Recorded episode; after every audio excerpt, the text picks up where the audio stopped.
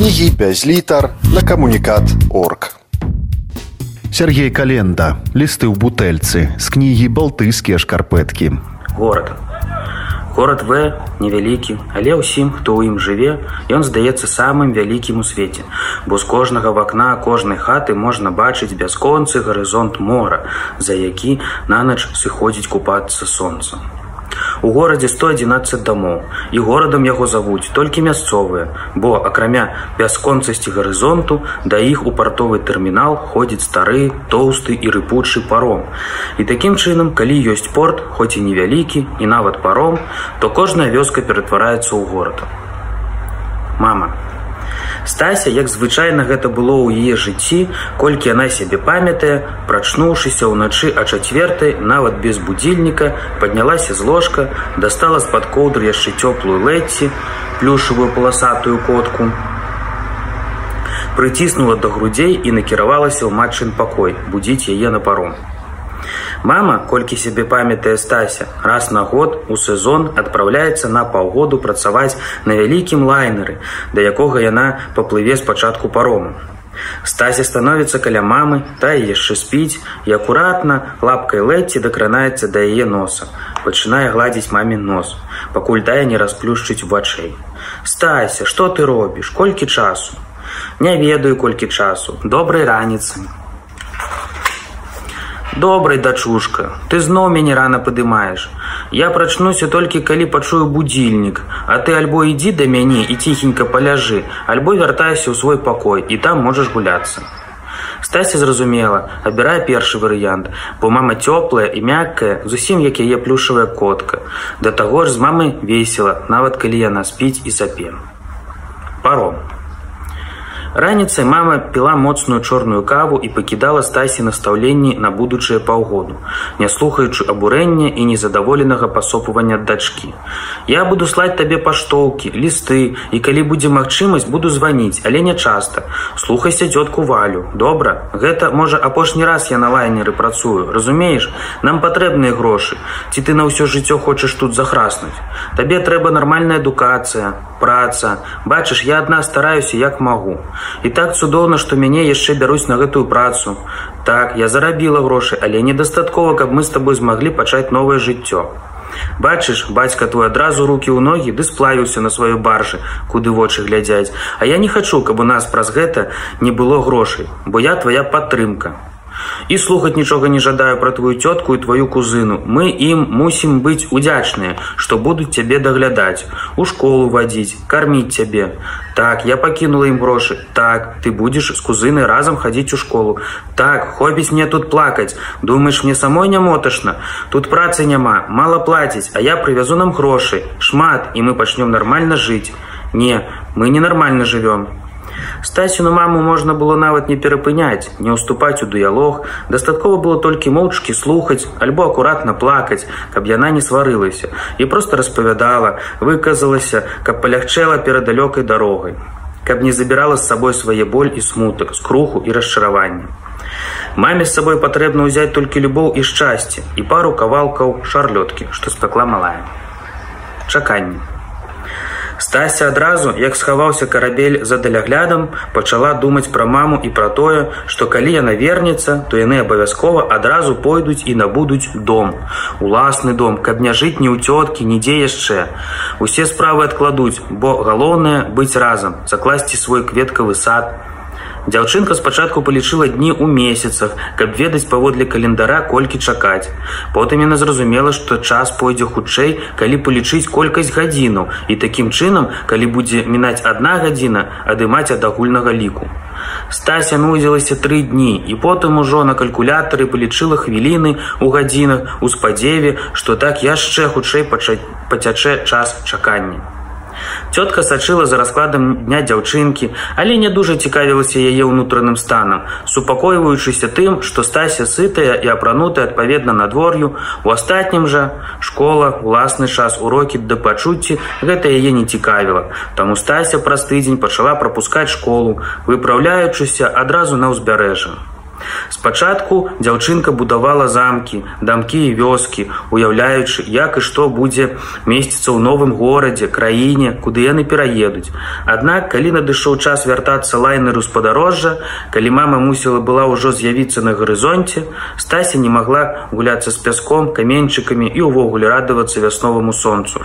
Яна магла толькі глядзець удалячы не чакаць. Напружана, да болю ў вачах і скронях стаяць да болю ў нагах, пакуль цела само не падала, бо здатнае было толькі сядзець.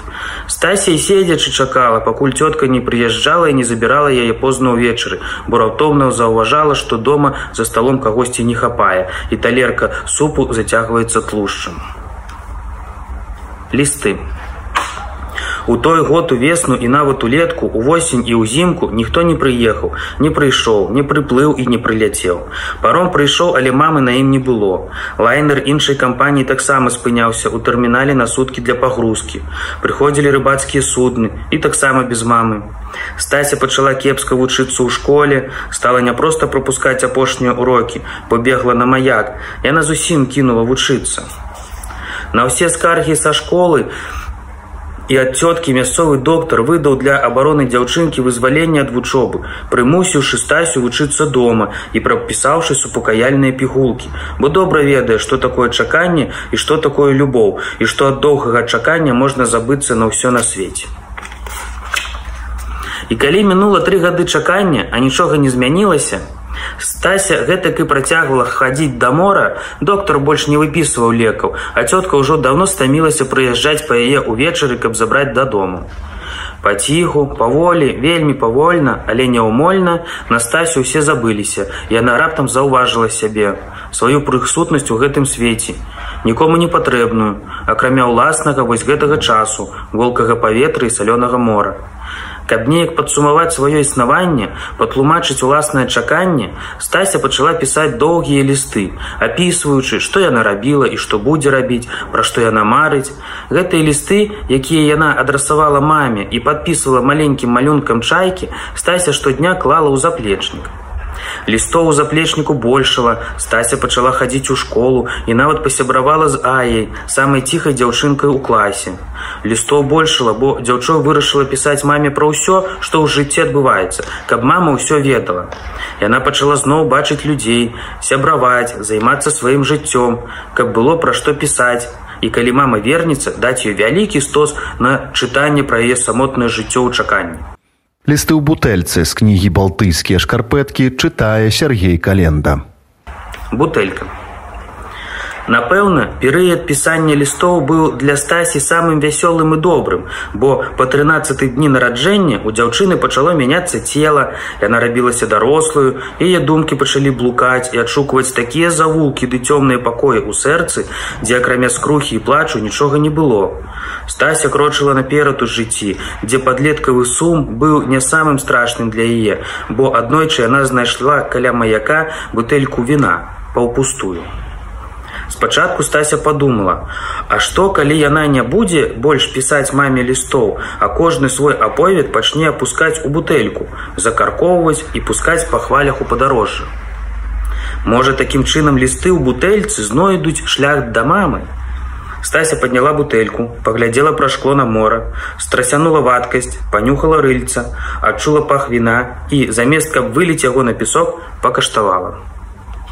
Стася не ўзаўважыла, як прамінула тры гадзіны. Сонце паспела патануць у моры, а яна ўсё пісала ліст маме і піла з бутэлькі, каб вызваліць месца для скручанай у трубку паперы. Як яна дайшла дадому, стася памятае цьмяна, але яна дакладна ведае, што ліст у бутэльцы паплыў да мамы. А ўжо дома цётка раўла на яе, бо пляменніца прыйшла п'яная, але стася кепска гэта памятала. Надышоў час і старыя лісты даслаць маме. Дом. Як цётка раўла на дзяўчыну ў той вечар нават немагчыма і ўявіць, абзывала п'янюгай, дурным падлеткам, ненадзейнай асобай і нават выдумала тры новыя гідкія мянушкі для стасі. Але дзяўчо было стомленая ад віна, таму адразу на канапе і заснула, абняўшы сваю плюшавую котку лэці. Пасля таго вечара і знойдзенай бутэлькі стася пачала штовечар адшукваць адмысловую шкляную каперту і сама не ўзаўважыла, як на яе і цётка перастала крычаць і сяброўкі забыліся. Яна засталася ізноў сама па сабе, а дом свой перанесла на ўзбярэжжа, дзе штовечар піла і пісала лісты ў бутэлькі. Усе спробы пачаць дыялог з капрысным і кепскім падлеткам заканчваліся сваркамі ды пагрозамі сысці ў мора за маці. З дзяўчыны было цяжка. Вяртанне. Ніхто не ведае, чым бы скончылася гэтае аднабаковае ліставанне і піццё, мо стасю давялося праз некалькі гадоў пакласці на лячэнне, альбо што і горша адбылося б самагубства, гвалт, калі паднойчы не здарылася непрадказальнае, дзіўнае і неймавернае. Калі стасі споўнілася 16, яна была чорным дзяўчом, замкнёнай дзяўчынкай, якая ні з кім не сябравала, прымусова хадзіла часам у школу, але кожны дзень бавіла на пляжы, дзе адчуквала алькаголь, альбо нават скрадала якую пляшку з крамы, альбо далучалася да сумнеўных кампаніяў, якія радасна запрашалі выпіць прыгожае дзяўчо. Стася даўно перастала пісаць маці, пакінуўшы ў сваім жыцці толькі бутэлькі ды марскі пясок. Першае, каб забывацца, другое, каб памятаць, бо пасля віна ўжо не было моцы пісаць, толькі думаць, нібыта ў імгле, пра штосьці даўняе і крыўднае. Аднойчы раніцай цёплым дотыкам дашчакі мяккай пяшчотнай рукою стасю хтосьці пабудзіў, бо яна заснула наўпрост на лаўцы, схаваная летняй ноччу. Яна расплюшчыла вочы і пабачыла размыты сылюэт, які праз колькі секундаў набываў выразныя рысы яе маці. Мама спалохалася адначасова узрадавалася дзяўчына. Я што сплю? Не, дачушка, я вярнулася. Не можа быць, я тебе так чакала, так чакала. Я бачыла, што ты мяне чакала, таму паспяшалася да цябе. Ты зарабіла ўсе патрэбныя грошы. Мы можам нарэшце з'ехаць ад цёткі. Так, я ўсё прывезла. Я атрымала ўсе твае лісты ў бутэльках і вельмі табе ўдзячная, бо калі б не лісты, мора мяне не пусціла б да цябе. О, мама, як жа я сумавала. І ты тут заўжды ночыла на гэтай лаве і што піла вось гэта і маці кранула босай ногой бутэлькі з-пад віна. Ну як табе сказаць, я пачала сябе гэтым суцяшаць, прамовіла стася і толькі калі маці кранула нагою пляшку, заўважыла, што тая стаіць у чорнай сукенцы і белым фартуху, босая і з мокрымі валасамі. А што гэта за ўбор, дзе твае рэчы? Я працавала пакаёўкай на лайнеры, якая ж на мне мусіць быць адзежай. Ды мокрая я, бо кажу табе, мора адпусціла мяне да цябе, але часова. Пакуль я табе сапраўды патрэбная, я буду з табой. Стася нічога не зразумела з матчаных словаў. Яна была проста шалёна радая, што нарэшце яе дачакалася пасля незлічонай колькасці дзён, лістоў і бутэлек. Жыццё. Мама шмат не гутарыла, нікому нічога не тлумачыла. Яна забрала дачку да ад сваёй сястры, пакінула той вільготныя грошы на стале і сышла ў бор, дзе самотна, далёка ад астатніх катэджаў стаяў утульны дамок. Стасі імгненна забылася не толькі на ўвесь боль, але і на сумнеўныя кампаніі з алкаголем і пачала зноў хадзіць у школу і сябраваць з ціхай дзяўчынкай Ай. Час паплыў павольна і лагодна. Да дамка прыйшла бадзяжная чорная белая котка з выгляду рыхтык, як стасіна плюшавая цацка ў дзяцінстве. Котка пасялілася пад страхой і яе, як і цацку, назвалі лайці. Стася моцна полюбіла дом, просто жыць і радаваць сваю маму. Адзінае, што моцна засмучала, мама бывала сумнай і не вельмі часта гутарыла з дачкой. Вось Стася пакладзе галаву маці на калені, каб тая пагладзіла, але тая просіць яе падняцца, бо шмат справаў. Альбо мама магла праседзець за сталом увесь вечар, гледзячы на дождж за вакном, трывожна ўздыхаючы. Дачка адчувала ж, што з мамай штосьці не тое, бо пасля яе паўсюдна заставаліся лужаны, кроплі вады, вільгаць на канапе. Маміна скура была нібыта сыру, мяккая з своеасаблівым пахам, але гэта ўсё ж была мама, родная маці. Стазі старалася вучыцца. Па абедзе яна прыносіла дадому навіны пра свае адзнакі ды матэрыял, які ім далі на уроках. Яна шмат чытала, гулялася з коткай і надоўга нават забылася, што за сасновым лесам ёсць пляж і мора. Ёй нічога не было трэба, акрамя мамы, якой яна распавядала цяпер пра ўсё на свеце, седзячы за сталом, на якім стаялі бліны з маслам і сочывым. Стасі хацелася вучыцца і моцна хацелася радаваць маму. І каб неяк кампенсаваць столькі гадоў самоты, яна ані разу не засталася па уроках з аднакляснікамі пагуляць хоць гадзінку, акрамя аднаго разу. гульня. Гэта быў канец траўня, апошні вучэбны дзень, апошняя кляса. Стасі дужа хацелася застацца з сябрамі, бо яны могуць больш ніколі не ўбачыцца. Хтосьці з'едзе вучыцца, хтосьці пойдзе працаваць. Затрымацца, пагутарыць, пагуляць, падурэць, бо наперадзе апошняе бестурботнае кароткае лета, паступленне. Дзяўчына вырашыла застацца ў кампаніі, дзе хлопцы ходка знайшлі віно і гітару. Дадому Стася вярнулася позна і была не ў гуморы, бо стамілася, віно грукала ў скронях і да ўсяго яна намуліла ногі новымі святочнымі туфлікамі. Маці сядзела на ложку, было відаць, што дачка яе пабудзіла. Чаго ты так позна? А што? Вунь, аказваецца, усе мои аднакляснікі ўжо тры гады, як вяртаюцца яшчэ пазней. Што я табе, закладніца нейкая. Стася абуралася надта рэзка, вінаваты быў алкаголь. Я просто запыталася, дачушка, чаго ты на маці крычыш?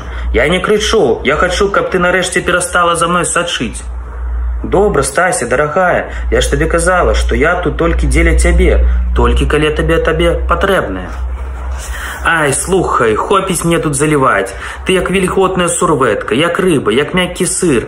Ты мяне кінула жыць з цёткай. Сама сказала, што хутка вернешся, а насамрэч і Стася заплакала. Самой не было шмат гадоў. Ты мяне кінула, прымусіла піць, а цяпер я нікому з аднакляснікаў не цікавая. І сябрам не патрэбны, бо жыву тут з табой у лесе, як, як з бабай карготай. Усе ўжо цураюцца мяне. Што ты такое кажаш? Што, што, дзе ты была, дзе? Я ж казала, у моры, працавала, усё дзеля нас. Ай, ды ну цябе! Стася расчыніла дзверы, шпурнула свае прыгожыя святочныя туфлі на абцасах і басанож пабегла ў бок пляжу, ступаючы на вострыя шышкі ды галінкі. Усё, чаго хацела дзяўчына, выпіць яшчэ віна і супакоіцца.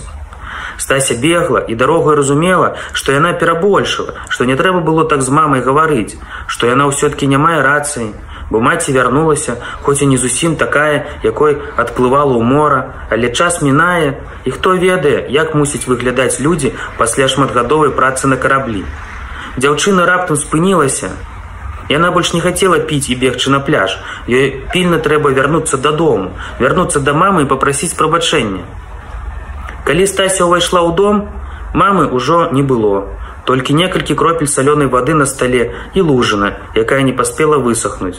Нагадвалі пра тое, што калісьці мама любіла тут сядзець. А побач на ложку ціхамірна спала Лэці. Яна паспела ўпаляваць мышанё і цяпер пасля смячнай вячэры ні на што не звяртала увагі.